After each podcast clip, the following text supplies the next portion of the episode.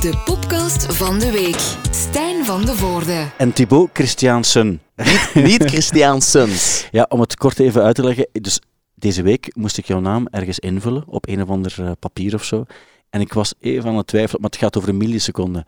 Christiansen of Christiansens. En toen dacht ik van, dat is eigenlijk niet oké. Maar als je het al juist kan spellen, ben ik al Ja, tevreden. maar ik wist ook wat het was, maar het feit dat er die twijfel was, dat vond ik, eh, vond ik op zich wel raar. Dan leerde u echte vrienden kennen, maar het feit dat je toegeeft... Wel, Het is ook omdat het over een, een flart ging. Het ging Mhm, over een milliseconde. Maar daar zijn we niet voor naar hier gekomen. En naar hier bedoel ik, het is de officiële repetitiehok van Equal Idiots. Want je wilde niet naar de VRT komen, want het is druk, druk, druk, druk. Met de showcase die eraan komt van de, van de band. Jullie spelen in de AB eigenlijk in de week die eraan komt, hè, donderdag. Hè? Ja, 20 februari spelen we in de grote zaal van de AB. Ja. Eh, en dat is ja, toch wel een beetje stresserend, Ja. maar we kijken er heel hard naar uit. Ja, maar als je het niet erg vindt, gaan we daar niet te lang over praten. Geen probleem. Eh, Omdat het, omdat het nog moet gebeuren. Wat al gebeurd is, dat is die reeks die online staat. Die Mhm. Rock'n'Roll High School 2. Iets anders was het wel als de vorige reeks. Het is niet één persoon die centraal staat. Het is geen Joey Ramone die centraal staat. Of geen Kurt Cobain of geen Ian Curtis. Maar we hebben een trip gemaakt. Ja, klopt.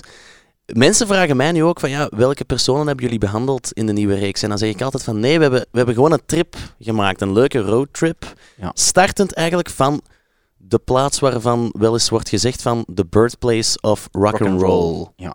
En dat heeft ook met dit te maken dan, hè? Hopla.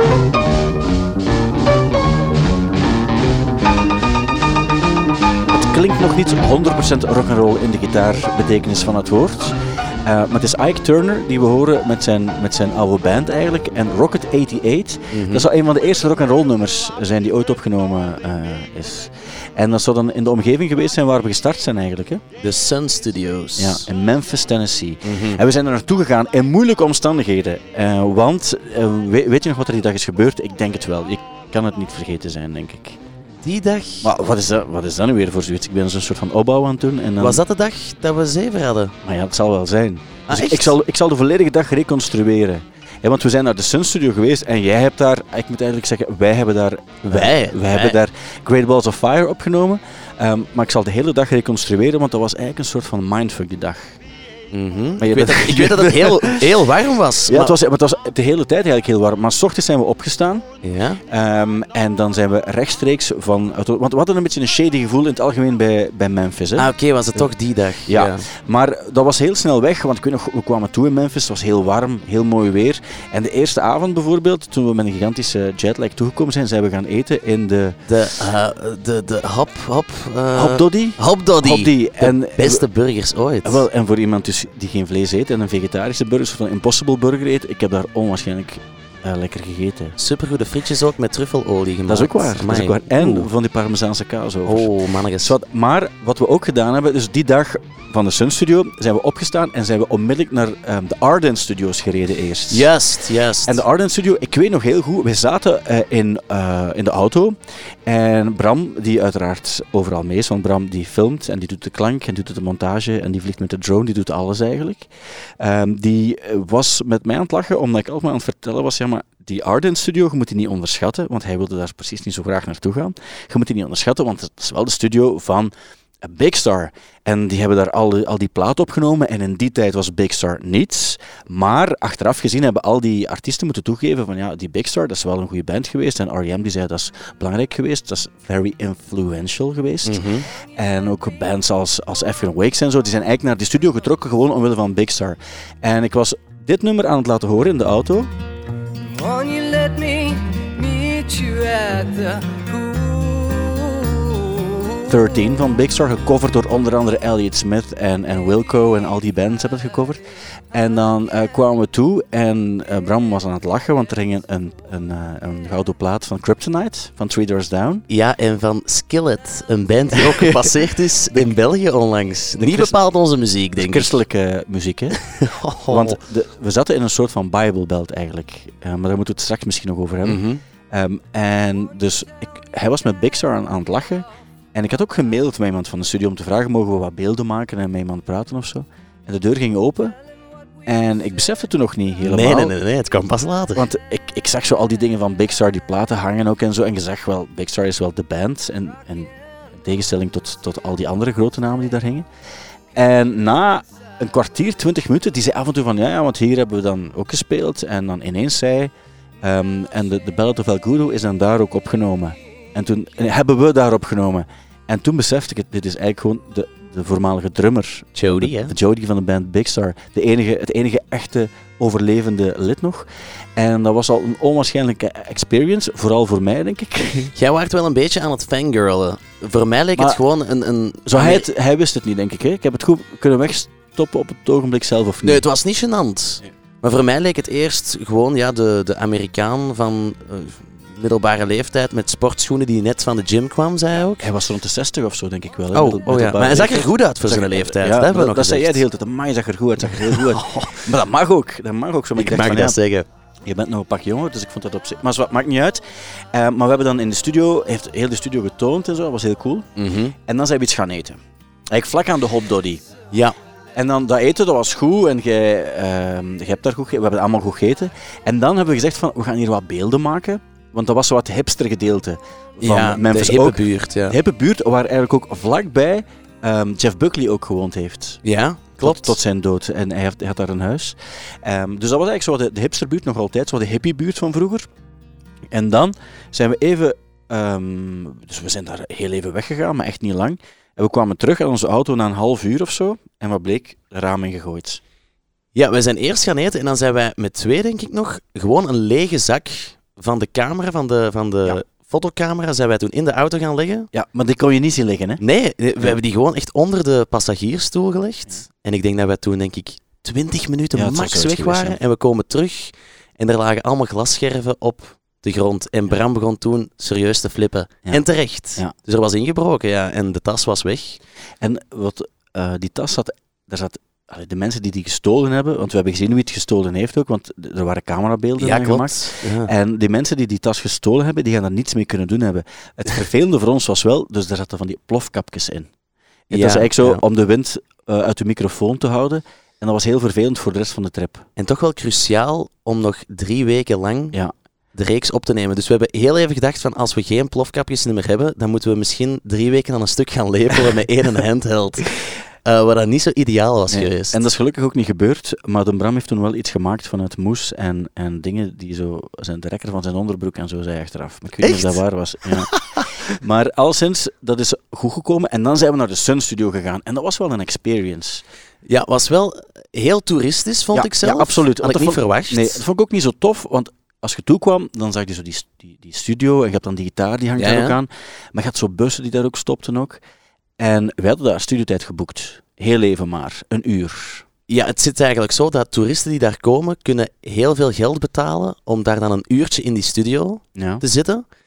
En dat zijn dan Amerikanen die daarop zijn ingespeeld van, ah, dit zijn toeristen. Oh man, you're sounding so great. Ja, Ja. ja, en wij hebben dus ook gezegd van, ja, wij zijn toeristen en wij willen een nummertje opnemen. We moeten ook eerlijk toegeven, we hebben gezegd eh, dat we toeristen zijn en dat we dat ook graag wilden filmen voor onszelf. Want als je er eigenlijk een filmtoelating wilde krijgen, dan kostte dat, eh, ja, dan moest je eigenlijk je nier verkopen. Mhm. En ehm, we wisten wel dat er een nummer gespeeld moest worden, namelijk Great Balls of Great Fire. Balls of Fire. En op een uur tijd, ik weet niet hoe lang duurt dat normaal een nummer opnemen. Goh, ja, we heb, ik heb al gehoord dat je het hebt gezegd tegen anderen, dat ik dat nogal vaak benadruk.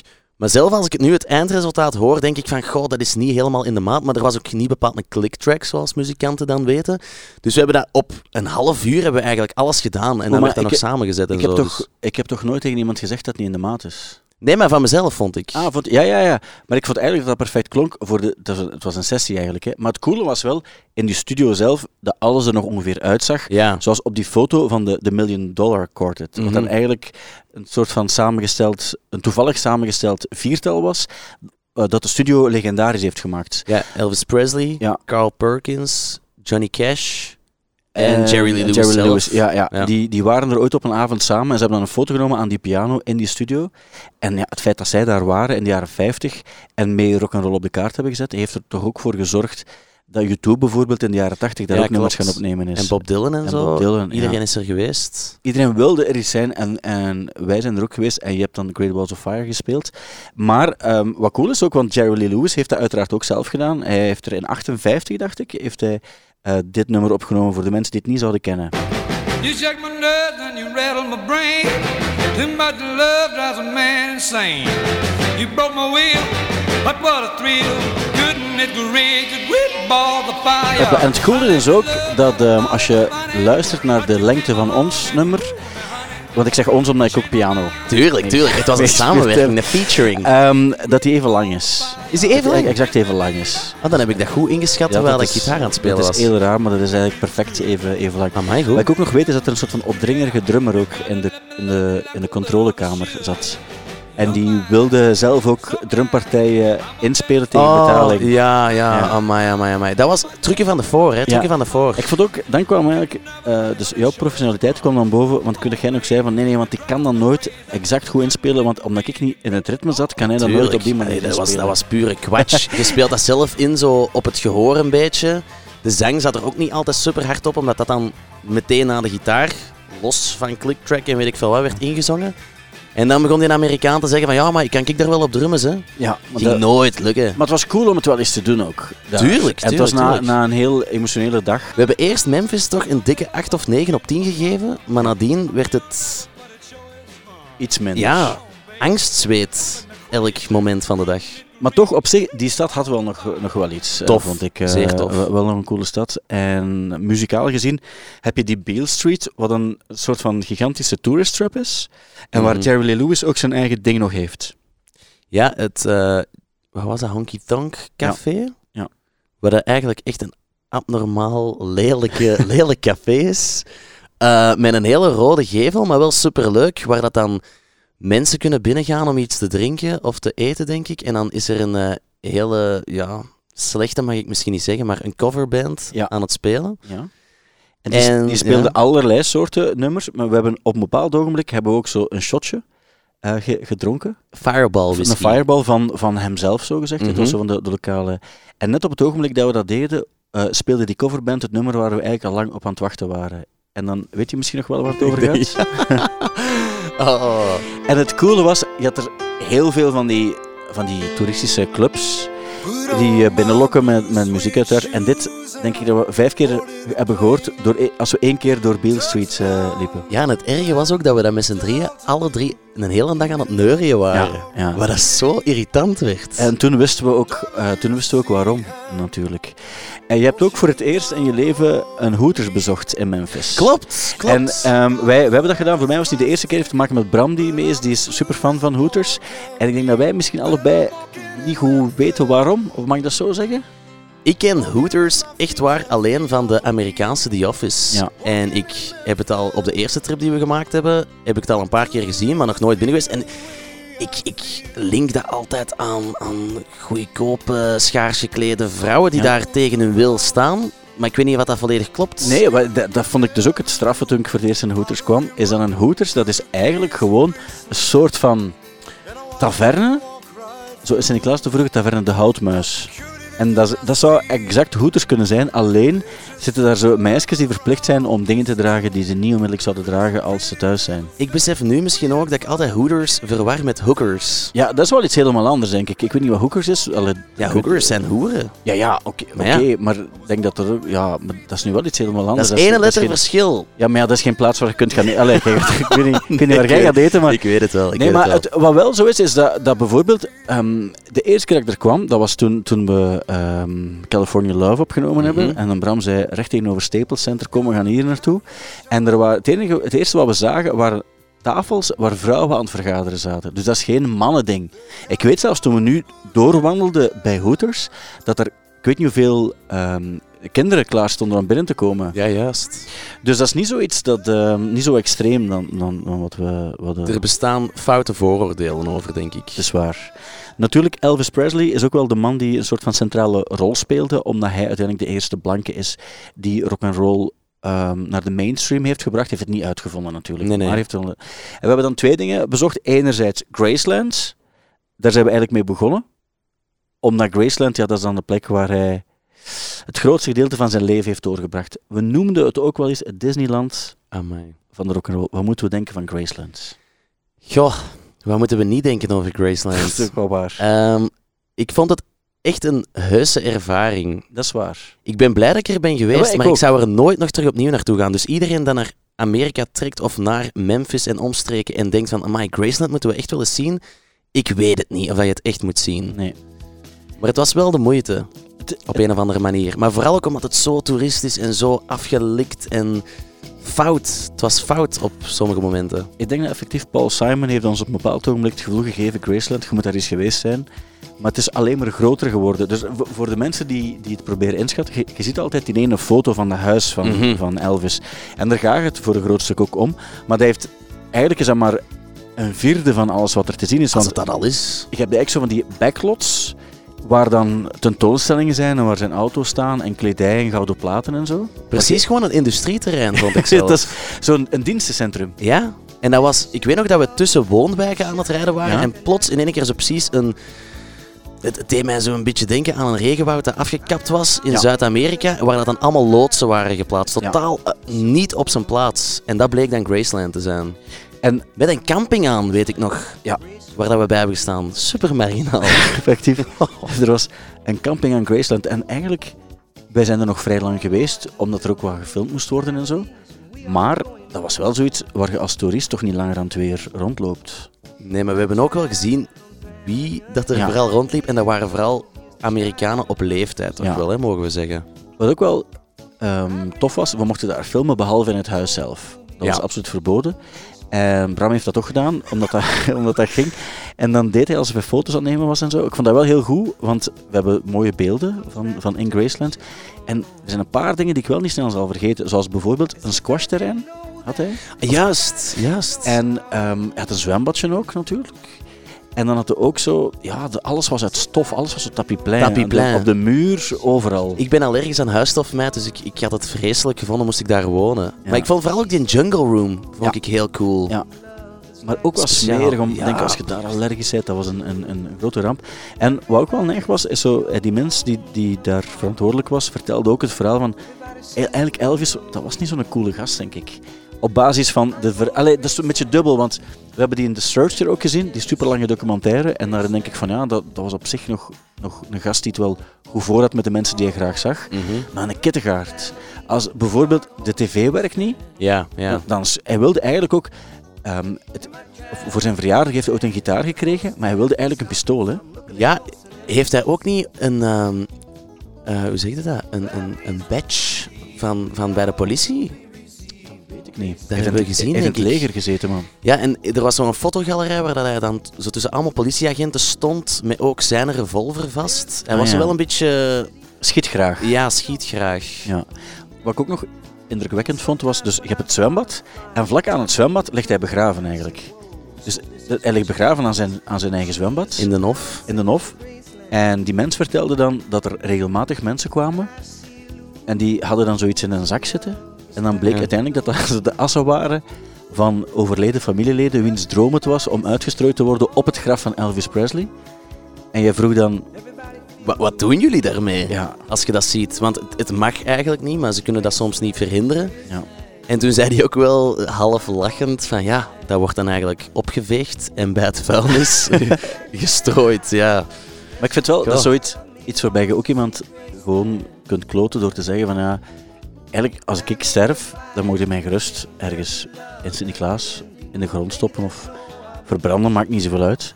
Uh, maar die mensen zeggen, ah nee, het moet bij mij in de Indische Oceaan zijn dat ik uitgestrooid word. Of op het graf van Elvis, zijn gewoon gecharreld. Want je weet van, ah, ik zal het maar doen ook, want ik heb het beloofd.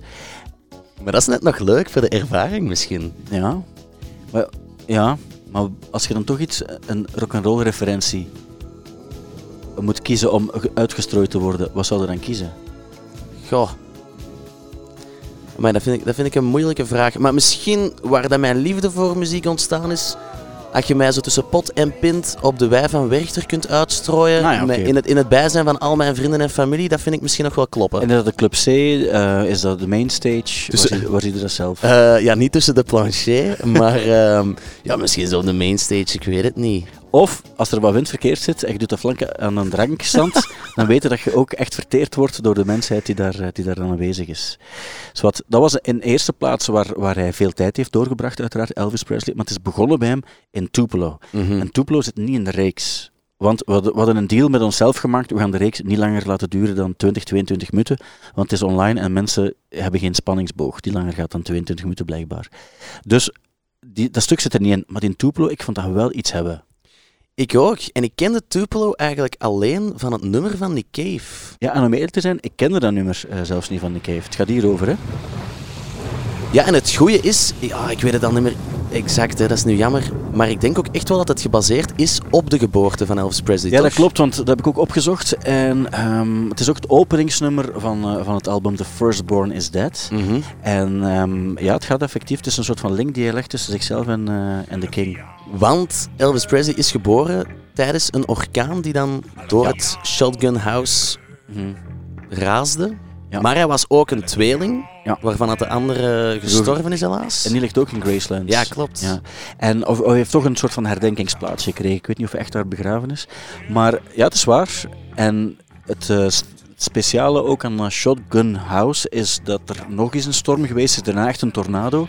En die heeft heel Tupelo platgelegd. Alleen zijn Ja. ding is blijven Ja. staan. En we zijn, in Tupelo hebben we twee dingen bezocht, hebben drie dingen bezocht. We hebben een huis bezocht waar we gigantisch veel chance hadden dat we nog binnen mochten. Dankzij Ja. Amerikanen die een ticket gekocht hadden en, en zeiden van ja, maar wacht, het is hier al gesloten en, en we hebben hier niets, niets gezien. En dan mochten we mee binnenglippen, maar als je daar met twee mensen binnen stond, zat het eigenlijk al ongeveer vol, want je had niet, Ja. veel, niet, niet veel ruimte. En dan hebben we daar een soort van tochtje afgelegd met wat beelden dat er stonden en wat, wat uitleg over het leven van Elvis daar aan, aan het huis zelf. Ja, ja. En dan hebben we nog twee andere dingen gedaan, bezocht. Ten eerste de hardware shop, waar hij Ah, zijn, juist, waar hij zijn gitaar juist. heeft gekocht. Maar dat zit allemaal al zo ver weg bij Ja, mij. maar ja. Doe me, doe me, doe me. Maar we zijn er geweest, dus dat is de plek waar hij zijn gitaar heeft gekregen. Hij wilde toen liever een pistool, maar dat heeft hij gekregen. Dat is zo'n soort van... Ken je de Euroshop? Ja? Je hebt, daar heb je alles, hè. Dat was eigenlijk ook die hardware eh, shop. En die bestaat nog altijd dus. En dan hebben we daarnaast hebben we nog iets anders bezocht, namelijk de plek waar Elvis zijn Elvis Booth ook heet. Waar we s'avonds avondeten gegeven, gegeten Oh, hebben. mannetjes. Dat was iets speciaals, omdat je kon naar... Ik weet dat wij... Wij aten niet altijd gevarieerd daar, omdat dat vaak ook niet, niet kon. Dat is, echt- dat is Nee, dat, waar, is, dat is echt wel Dat is waar, echt waar. want ik moet dat dan thuis altijd zo wel een beetje ehm, ja, onderbouwen waarom dat we drie weken aan een stuk pizza en hamburgers eten. Maar in het zuiden van Amerika is er gewoon ook niet echt iets anders te vinden. Dat is alleen maar vlees en vettigheid. Dus Dat was komt dat af en toe wel goed uit, maar af en toe ook minder. ja, dat was eigenlijk een plaats waar Elvis Presley dus zelf ook altijd ging gaan eten.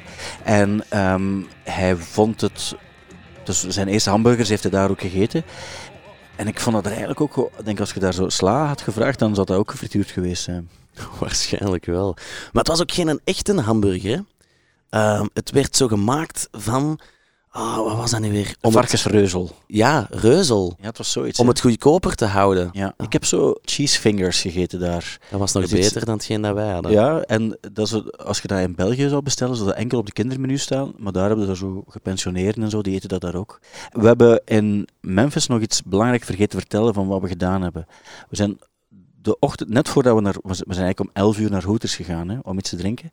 Maar daarvoor hebben we nog een hotel bezocht waar een experience bezig was, waarbij we niet wisten dat die daar was. En het zit heel even in de reeks. Ja, eh, het zit ene seconde. En ik Ja. weet nog toen ik het zag in de reeks, dat ik zei van, oh yes, goed. Ja, ja. Eh, ja, wat was dat? Het was een hotel waar we binnen gingen en naar boven wilden verbeelden te maken, omdat dat echt de skyline had van Memphis. Maar er was zoveel volk en iedereen stond klaar, want er stond iets te gebeuren. En En toen- dachten we, wat gaat hier, Ja. hier... Een celebrity, dachten ja, we. ja, er, er gaat sowieso een bekende uit de lift stappen. ja, ja. Eh, en toen ging de lift open en toen kwamen er... wat was het? Eenden of ganzen? Wat was het nu? Ik denk, eh, ik denk dat ehm ganzen waren. Ganzen? Ze waren vrij groot. Allee, niet denk- super groot, ja, maar ik- een beetje groot. Wel. Ik denk eenden, maar... Want eenden, misschien waren het eenden. Die dat uiteindelijk een, een hok, niet zo mooi en niet zo'n groot hok hadden op het dak van het hotel. En één keer per jaar naar beneden kwamen om dan in het Eén fonteintje... keer per dag. Eén keer per dag? Ja, Oh. ja, één keer Oh, per dag. oh, oh. En je had zo'n red carpet die dan uitgerold werd voor eenden. En die zwommen dan in, eh, in, in het fonteintje in de lobby van het hotel. Ja, klopt. En dat is blijkbaar een van de top 10 dingen die je moest doen in Memphis. En we hebben dat daar pas ontdekt. Nee, we waren er wel net op het juiste moment. Dat denk ik ook. Wat we ook gedaan hebben in Memphis, en dat vond ik zelf ook wel interessant om eens te zien, niet dat ik er noodzakelijk emotioneel eh, van werd, maar op een bepaald ogenblik stonden we aan een rivier en toen moest ik hier aan denken. Het is een soort van opbouw die we hier horen. En eh, het was in Mississippi, uiteraard. En ik moest denken aan het nummer van Jeff Buckley uit de plaat Grace. Eternal Life. Wat Jeff Buckley niet bepaald heeft gehad. Nee. Maar wat mij onmiddellijk opviel en wat ik onmiddellijk dacht ook is van waarom zouden hier in gaan zwemmen? Ja, het was denk ik tien keer zo breed als, als het Scheld in Antwerpen. Dus ik snap ook totaal niet waarom dat iemand zou besluiten... Goh, hier ga ik eens een zwemmetje in doen. Maar ook die stroming die erop zat, Ja. dat was toch, eh, dat was toch veel, te, veel te hard. Ja, ik snap het ook niet. Het is, het is tragisch. Het is tragisch wat er is gebeurd, dat sowieso wel. Ik vond ook ehm, zo het feit dat ze hem dan heel ver gevonden hebben een paar dagen later, niet zo verwonderlijk, laat ik het zo zeggen. En dan zijn we verder gereden en dan zagen we al die katoenvelden. Dat vond ik ook wel in die regio indrukwekkend. Inderdaad. Het is zo de Mississippi Delta en daar is de blues wel min of meer uitgevonden. Hè? Mhm. Ja, we hebben superveel velden gezien met katoen. En ik heb telkens gedacht, nu ga ik zo'n klein stukje katoen meenemen. En uiteindelijk heb ik niks katoen meegepakt. Ja. Maar. En zo zijn we naar de Crossroads gegaan. Klopt. En de Crossroads, daar ging het eigenlijk echt om. Hè? Ja, een kruispunt waar dat nu eigenlijk, ja, wat is dat, tankstations en een paar slechte restaurants zich bevinden. Maar de plek waar dat ene Robert Johnson zijn ziel aan de duivel heeft verkocht om in ruil daarvoor goed muziek te kunnen spelen. Muziek Ja. van de duivel. En ehm, het, het opvallende was ook, wat het erover gaat, want we hadden die, die Netflix-documentaire gezien, Devil at the Crossroads, dat er een soort van duivel rondliep ook. Hij zit ook heel even in de reeks, heel even maar, maar die liep constant rond. Gewoon, dat was een heel drukke baan, maar die stak daarover en dan wachtte hij in het midden van de baan. Zo. Dat was een figuur waarbij je zou kunnen zeggen, die is be- bezeten door de duivel. Waarschijnlijk was die mens er gewoon eh, psychologisch niet zo heel goed aan toe en had hij ook al bepaalde substanties gebruikt die dag. Maar het was wel vreemd om die daar dan plots tegen te komen. Ja, voor de meeste voorbijgangers leek het waarschijnlijk een gewone hobo, Ja. maar wij hebben hem herkend. Maar opvallend wel. En je had heel veel vervallen stukken daar ook. Dat viel me op. Ja. Want je had er ook zo het, het, het Bluesmuseum, dat door de mannen van ZZ Top is ge- ge- gefinancierd, omdat figuren als John Lee Hooker en B.B. King en zo, die kwamen daar in die, in die club spelen ook. Dus het heeft wel zijn, zijn muzikale geschiedenis, maar het is niet een plaats waar je lang wilt zijn. Nee, ik vond alles daar zo wel een beetje shady, toch? Ja, dat is zo. En dan is het niet echt veel beter geworden daarna, want vandaar zijn we via wat omwegen uiteindelijk in Nutbush terechtgekomen. En Nutbush, dat is natuurlijk iets wat de mensen kennen van dit. Het zijn eigenlijk Ike en Tina Turner. Dikke schijf. Ja. Het is nu een beetje funky, dat klinkt, hè? Ja, maar, oh, ik, vind, ik vind dat echt belachelijk goed. Ja.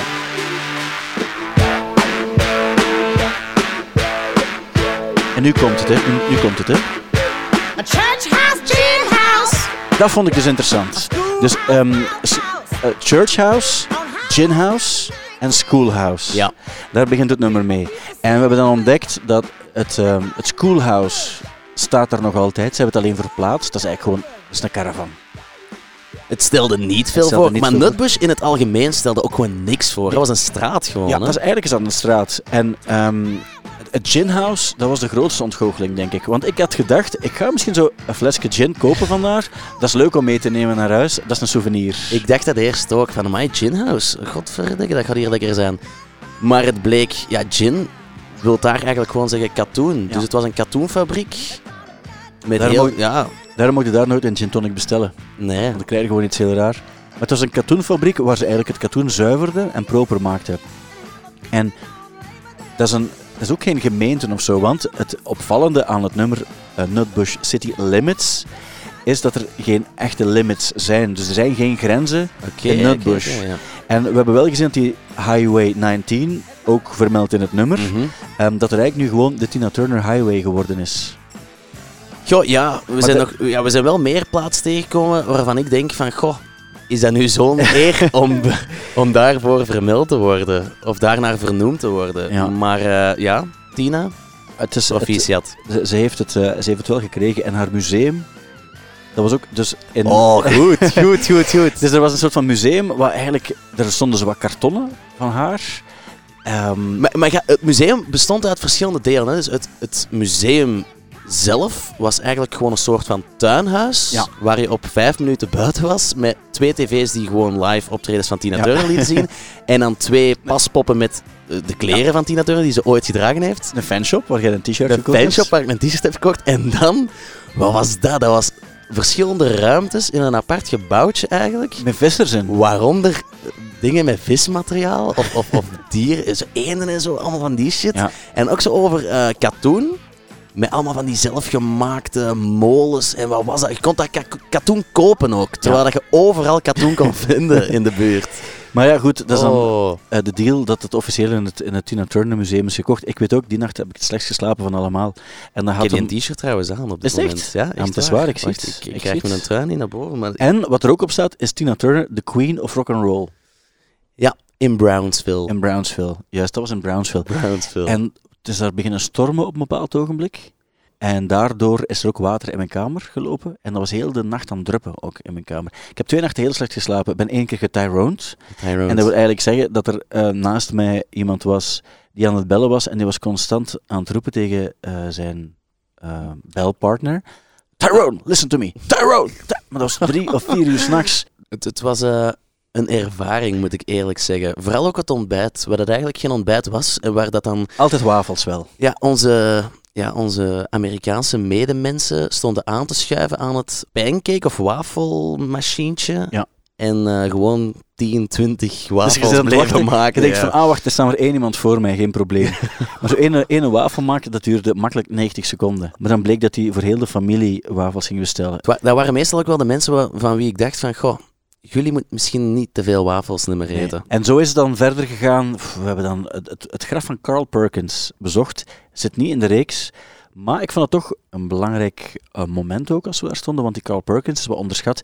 Heeft wel goede nummers geschreven ook. Zoals eh, Blue Suede Shoes. Ja, wat iedereen kent van Elvis Presley, maar eigenlijk origineel van hem is natuurlijk. Ja, en waarbij bijvoorbeeld iemand als George Harrison ook heeft gezegd van hij is mijn grote voorbeeld. Toen hij gestorven is, toen, toen is George Juist, Harrison ook juist. afgekomen om op de begrafenis van Carl Perkins eh, te spelen als, als grote fan eh, eigenlijk. ook. Waar dat wel of niet beeldfragmenten van bestaan. Wel, wel beeldfragmenten. Op YouTube kunnen die maar je gewoon ziet zelfs hem blijkbaar niet zo Ja, duidelijk. kunnen we wel Toch? zien. Kunnen we wel zien. Ja, ja. Ah. Want het zijn wel heel, eh, heel vreemde beelden ook. Omdat die zijn, die zijn van helemaal achteraan in de kerk gefilmd. En er staan dan constant mensen gewoon hun hoofd volledig voor die camera ook en zo. Ah. Ehm, maar dat, eh, dat helemaal terzijde. En zo zijn we dan naar Nashville gegaan. En in Nashville hebben we... Ja, ik vond het eigenlijk nog wel tof, Nashville. Tandy Wilson. Ken je hem nog, Tandy Wilson? De kok. Ah, jawel, jawel. Van het Ja. restaurant waar dat Kings of Leon Ja. eh, altijd kwam Ja, eten. go- goeie Klopt. vriend van eh, mannen van, van Kings of Leon. Heel vriendelijke kerel ook. En hij vertelde ook, ja, van die mannen die komen hier eten gewoon omdat ze niet te fancy willen gaan eten, maar wel goed. En wat ik ook opvallend vond, en dat is ook wel typisch voor de regio, is dat er op heel veel plaatsen zo'n een teken stond van geen wapens mee binnennemen. Nee, ja, we zitten in het zuiden van Amerika en daar mag dat allemaal. Daar is dat eigenlijk vrij, vrij normaal. En dan hebben we ook Neon Leon bier gedronken. Ja, als ik, als ik de reeks terug bekijk, zeg ik van, hm, niet slecht, maar eigenlijk was het niet te zuipen. Het was, het was, ja, waarom zei je dat dan? Ja, omdat de eerste slok leek wel oké. Ik, Maar- ik snap dat ook. Want we hadden die dag, we waren toen, het zit ook niet in de reeks, maar we zijn toen ook naar de Jack Daniels fabriek gegaan. Ja, ja. En dan kwamen we toe en dan dachten we van dat gaat verfrissend zijn of zo. Maar de eerste slokken vond ik ook nog oké. En daarna werd dat wel zuurig en dan dacht ik, er zit geen smaak in. Het was heel zuurig. Ja. En het waren ook allemaal halve liters, dus veel te veel. Maar Neon Leon was eigenlijk ook gewoon de naam van de studio van Kings of Leon, waar we stonden in eh, Nashville, waar ze wat platen hebben opgenomen ook. En ook dus het bier van de familie Followell. En dan hebben we de Mechanical Bull ook uitgetest en zo. Moet je zeker zien in de reeks. Ik was er niet goed in en ik vond het eigenlijk wel ontgoochelend, want ik ben niet zo sterk, maar ik heb, mijn benen zijn nog sterk omwille van vele jaren atletiek, maar dat had er dus niets mee te maken. Ik ben gewoon, omdat ik niet lenig ben en te stug, was ik er gewoon heel slecht in. Ik hoor hier allemaal excuses, maar eigenlijk... Maar nee, ik zeg dat ik er slecht in was, Ja. maar ik, had, ik dacht dat ik er goed in ging zijn. Mocht je zeggen van, we doen de wedstrijd limbo dansen, zou ik onmiddellijk zeggen van, amai, zou ik onmiddellijk verliezen, want ik ben totaal niet lenig. Mhm. Maar ik dacht, dat ga ik nog wel kunnen. Maar ik ben wel blij dat ik gewonnen heb. En dan zijn we uiteindelijk ook naar Hendersonville gegaan. Goh, ik moet weer eerlijk toegeven dat het weer ver zit bij mij. Dat is de plaats waar jij de hik hebt gehad aan het graf van Johnny Cash. Dat is waar. Oh, zo gênant. Wat, oh, dus we stonden aan het graf van Johnny Cash en June Carter. Ah ja. En er waren oudere mensen naar ons gekomen om wat te praten ook. Die mensen die daar iemand verloren. En ze waren dan op een soort van... Ik weet op een bepaald ogenblik waren die vrij emotionele dingen aan het vertellen. En wij, Bram en ik zijn dan aan het luisteren. En er staat er zo ene naast ons. Zo om de 20 seconden. Alsof er, zoals ze in de tekenfilmen, iemand die zat is, zouden voorstellen. Het, het, het goede was ook dat ik heb mijn zonnebril wel wijselijk opgezet, Ja. maar ik kon zelf met een eigen lach op een moment ook niet meer zo supergoed inhouden. Maar elke keer als ik moest steken, keken die mensen ook naar Ja. mij van, jij onbeschofte zo. schurk. Maar weet je waarom dat ik u dat vergeven heb daar? Nee. Omdat we net ervoor iets gedaan hadden dat ik niet zag zitten. En het zit ook niet in de reeks wel. We zijn daarvoor naar een of andere barbecue Ah, ja, geweest. juist. en je hebt daar dus huid van een varken, gefrituurd. Dat is gewoon puur vet, hè? En blijkbaar het lievelingssnackje van eh, Johnny Cash. Ja, het was de, de plek waar Johnny Cash heel graag eh, ging eten. En hij had dan zo'n soort van zak chips. Maar de chips was dan gewoon huid van een varken. Ja, super dik, super knapperig ook wel. Wel, het ging in uw mond ook en ik dacht van, amai. Maar je hebt weer gezegd van, mm, lekker. Ja, maar dat was echt wel lekker. Maar goed voor was zo misschien. één of twee Ja, stukjes. Dat wel. Maar ze hebben toen ook zo nog een, een sandwich gemaakt en dat was wel echt super lekker. Ah ja, ja, dat is juist, ja, maar ik, dat was heel vlezig. Maar ik weet ook nog dat jij zei van ja, nee, de- nee ik, moet niet, ik moet niet proeven hoor. Nee, nee, nee, ik, ik ben niet zo goed, ik ben niet zo goed. Terwijl jij gewoon niet durfde toegeven dat je vegetariër was, omdat je dan waarschijnlijk neergeschoten ging worden. Ah, wel, dus de wapendracht, dat is er vrij toegankelijk. en ik dacht, we gaan het ook niet pushen. En uiteindelijk zijn we dan verder gereden richting Elizabethtown. En dan zagen we ook eigenlijk de eerste echt extreem religieuze borden langs de kant van de weg. Kerken. In elke straat had, had een kerk met gigantische parking. Ja, we hebben ongezien veel kerken Ja, tegengekomen. En, dan, eh, en gieren ook trouwens, want die, we hebben, dat was een hele rare combinatie. We hebben heel, we- op een bepaald ogenblik zagen we denk ik een stuk of tien gieren aan de kant van de weg. Maar dat terzijde, ehm en dan kwamen we op een bepaald ogenblik in, in de plaats die voor mij dan wel eh, misschien nog het meest indrukwekkend was, ook al is het maar heel even eh, in de reeks. En dat is een, een plaats die ik met, met dit nummer het best kan illustreren. As I walk through the valley where I harvest my grain, I take a look at my wife and realize she's very plain. But that's just perfect for an Amish like me. You know I shun fancy things like electricity. 4:30 ik in the al. Wij kenden de Amish vooral van, ehm, van die film Witness, geloof ik. En dan van dit nummer van Weird Al Yankovic. Maar dat bestaat dus echt, die, die Amish. Hè. Maar het is echt het is dubbel. Het bestaat echt. En je hebt, je hebt ook de Disney-variant. hè. Ja, we, we gingen er eigenlijk naartoe met hele hoge verwachtingen. Van, Ja. amai, nu gaan we het zien. Amai, daar gaan, die mensen gaan daar gewoon geen internet hebben. En die wonen daar in hutten, bij wijze van spreken. Ja.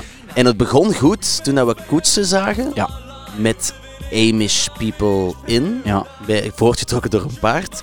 Maar toen dat we in het epicentrum van Amish Town kwamen, bleek dat gewoon een, een soort van Efteling met Ja. Amish mensen te zijn. Maar daarna Ja. zijn we wel, en dat hoort er niet echt bij, maar naar het Zwitserland van de Verenigde Staten geweest. Met, naar de grootste koekoeksklok gaan kijken. Amai, juist. En dat vond ik dan ook wel nog goed, omdat die, ehm, dat was gewoon groot, maar dat was niet zo... Maar voor de, voor de kijkertjes thuis, Ja. het is misschien niet helemaal duidelijk als je de reeks ziet, maar we hebben op onze trip heel veel grootste dingen Ja, gezien ooit. Hè? we hebben gezien de grootste koekoeksklok Koekoeksklok, de grootste baseballbat, Ja. de grootste mand. en de grootste stempel. Ja, juist. En de grootste stempel, die hebben we gezien aan de Rock'n'Roll Hall of Fame. In daaraan. Cleveland. Ik denk van Klaas Oldenburg zelf, de pop-art kunstenaar was Mhm. die. En die Rock'n'Roll Hall of Fame, daar valt ook veel over te vertellen. Ja, als Wat we moeten, we, wat moeten we van de Rock'n'Roll Hall of Fame denken? Dat is de vraag. Ik, ik zie wel één constante. En Ja. dat is, Graceland was zowat de Disney voor Elvis. Ja. Ehm, de Amish was eigenlijk zowat de Efteling voor de Amish. En Ja. de Rock'n'Roll Hall of Fame is zowat... Ja, ik wil Walibi zeggen, want dat is het eerste pretpark waar ik op kom. Maar zo, zowat het Fantasialand voor de rockmuziek. Ook Ja. zo heel nep. En vooral ook omdat we daar alleen maar met mensen gesproken hebben die totaal niet Het- rock'n'roll... Ja, wat wij, eronder, wij denken dan makkelijker wel, daar was zo gezegd dan, ja maar rock'n'roll dat is een, een, way of life en het heeft niets te maken met de instrumenten die je speelt, dat hoeft niet bas, drum, gitaar te zijn, maar bijvoorbeeld Skrillex is ook heel rock'n'roll en daarom zijn laptop lag daar ook, de laptop van Skrillex. Ja, En en, dan- ook zo super trots. Ja, een nieuwe inductee, eh, Janet Jackson. Sorry, hallo. Er waren wel een aantal gadgets die wel, eh, of dingen die tentoongesteld we- werden die wel cool waren, maar het was niet zo super authentiek denk ik. Nee, en vooral ook omdat we daar, wat was dat, zo ene keer op het uur kon je de Rock'n'Roll Hall of Fame Experience beleven. Wat Ja. dan eigenlijk een soort van pandadroom was in de Efteling, maar dan zonder 3D-brilletjes. Ik ben blij dat ik er eens geweest ben om te weten wat dat is, maar zou ik het iemand aanraden? Dat waarschijnlijk niet.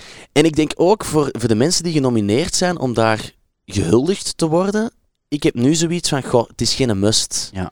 Je moet er niet zo zwaar aan tillen als je genomineerd bent en je wordt, je wordt er niet in, eh, in gehuldigd. Nee. En dan zijn we vandaar verder gereden naar Ann Arbor. Dat is de Mhm. plaats waar Iggy en de Stooges een doorbraak hebben gekend, of waar ze begonnen zijn. De Funhouse hebben we ook gezien. Wat eigenlijk echt een, dat is een pure universiteitsstad toch? Ja, ja, super tof. Ik Ja. vond dat heel gezellig daar. heel veel waar. jonge mensen en ook zo van die winkels met van die eh, American football, of ja, Ja. zo van die college, Van die college truien en zo. merch. Ja. Ja. En ehm, dan zagen we ook de brug, de brug. Wat Ah de- ja, wat ja, de- dat vond ik wel nog, nog cool om te zien, want ik had dat verhaal al zo vaak gehoord. Maar ik wil het ook eens in, in het echt zien. Dus dat is de brug waar Iggy en de Stooges tegengeknald zijn, bewust. Ja, ik, ik denk, ehm, als ik het mij goed herinner, reden ze na een optreden met de camionet met al het gerieven, gehuurd materiaal trouwens, eh, naar huis. En die brug, daar staat heel duidelijk op, je kan maar met een hoogte van zoveel Ja. meter kan je hieronder rijden. En was het Ron of Scott Ashton, de drummer? Ik denk Scott. Ja, die zat achter het stuur en die mannen ja, die waren helemaal high als een, als een kite. En die Ja. dachten toch van, goh, we gaan, we gaan dat gewoon doen, ook al weten we dat het niet kan. En toen is het dak van de camionet er gewoon afgescheurd. Ja. En Iggy Pop zegt dan zelf van, ja, het was alsof dat Popeye een blikje spinazie opentrok. Ja.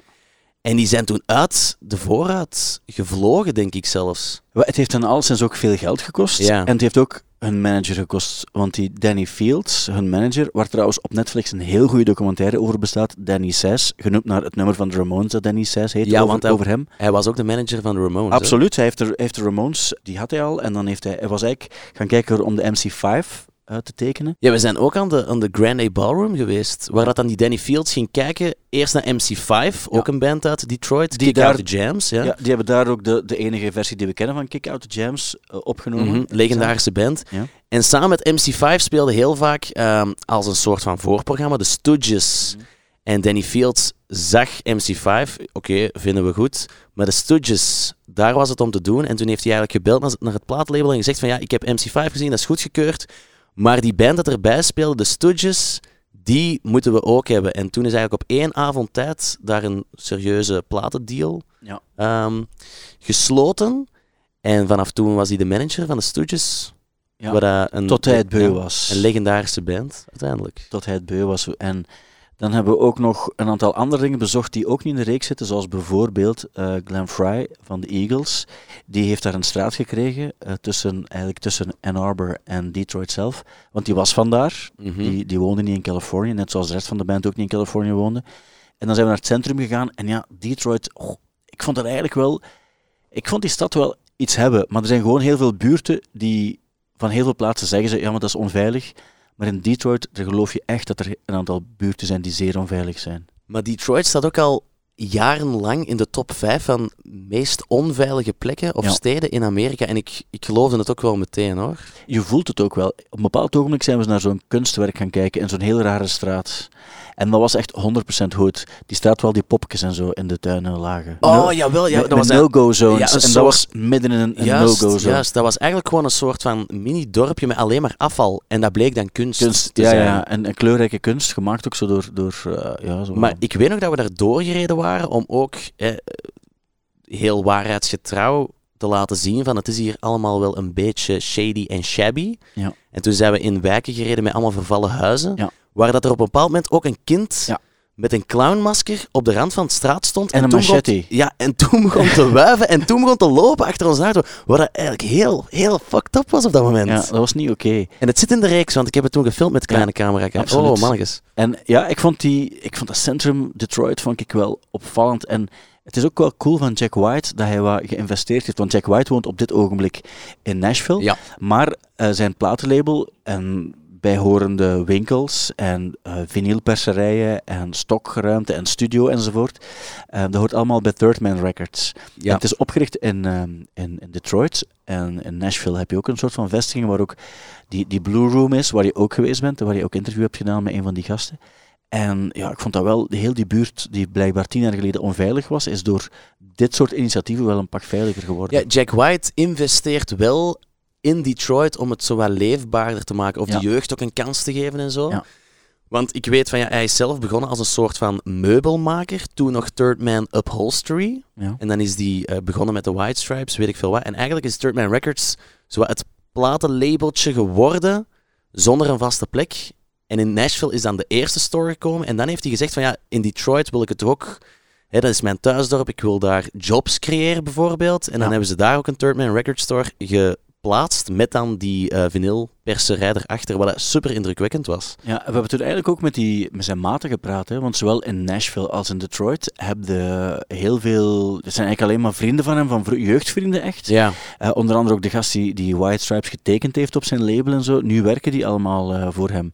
En die, ehm, ja, dat vind ik ook wel cool, dat dat allemaal jeugdvrienden zijn die hij kan vertrouwen en die hij mee wil nemen op zijn trip. Supercoole dudes. Vooral Ja. ook omdat toen dat we er waren, we zijn zowel in Nashville als in Detroit geweest. 20%? Ja, dat we de family discount kregen. Ja. Wat ik super sympathiek vond. Dat is wel waar. En we mochten gratis een plaatsje opnemen.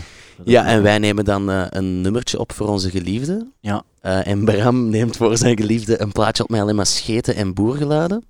Wat eigenlijk De beste ook geen verrassing was. Maar die stond er niet goed op. En op een bepaald ogenblik zeiden ze, we zullen eens checken of alles er goed op staat. en dan werd hij ineens heel zenuwachtig.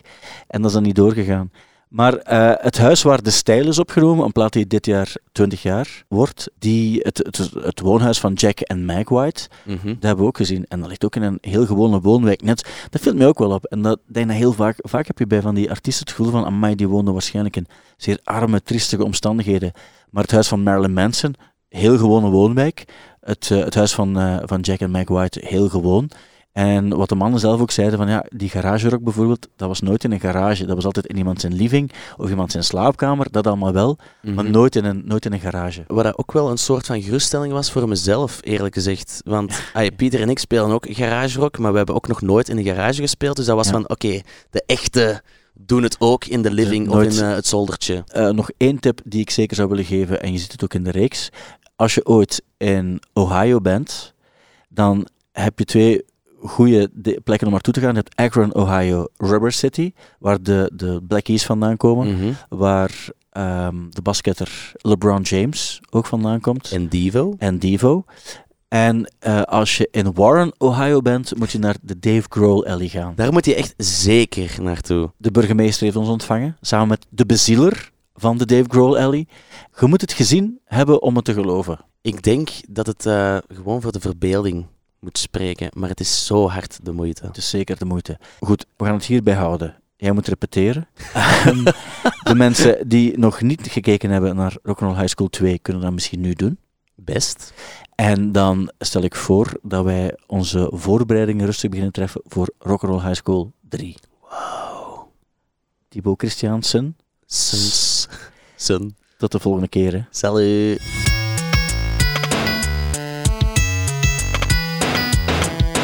De podcast van de week.